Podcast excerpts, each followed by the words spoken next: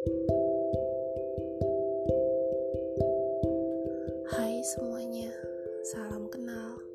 Hmm, mohon maaf kalau saya kenalannya jam segini. Di sini jam 2 pagi. Eh, pagi apa malam sih? Hmm, apa tengah malam? Ah, nggak tahu deh. Pokoknya di luar udah gelap banget.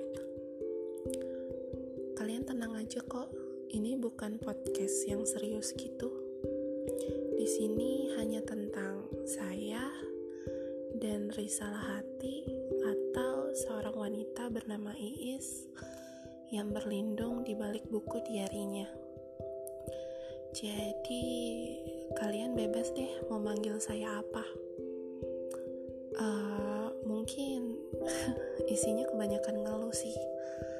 Tapi semoga isinya bisa mewakili kalian.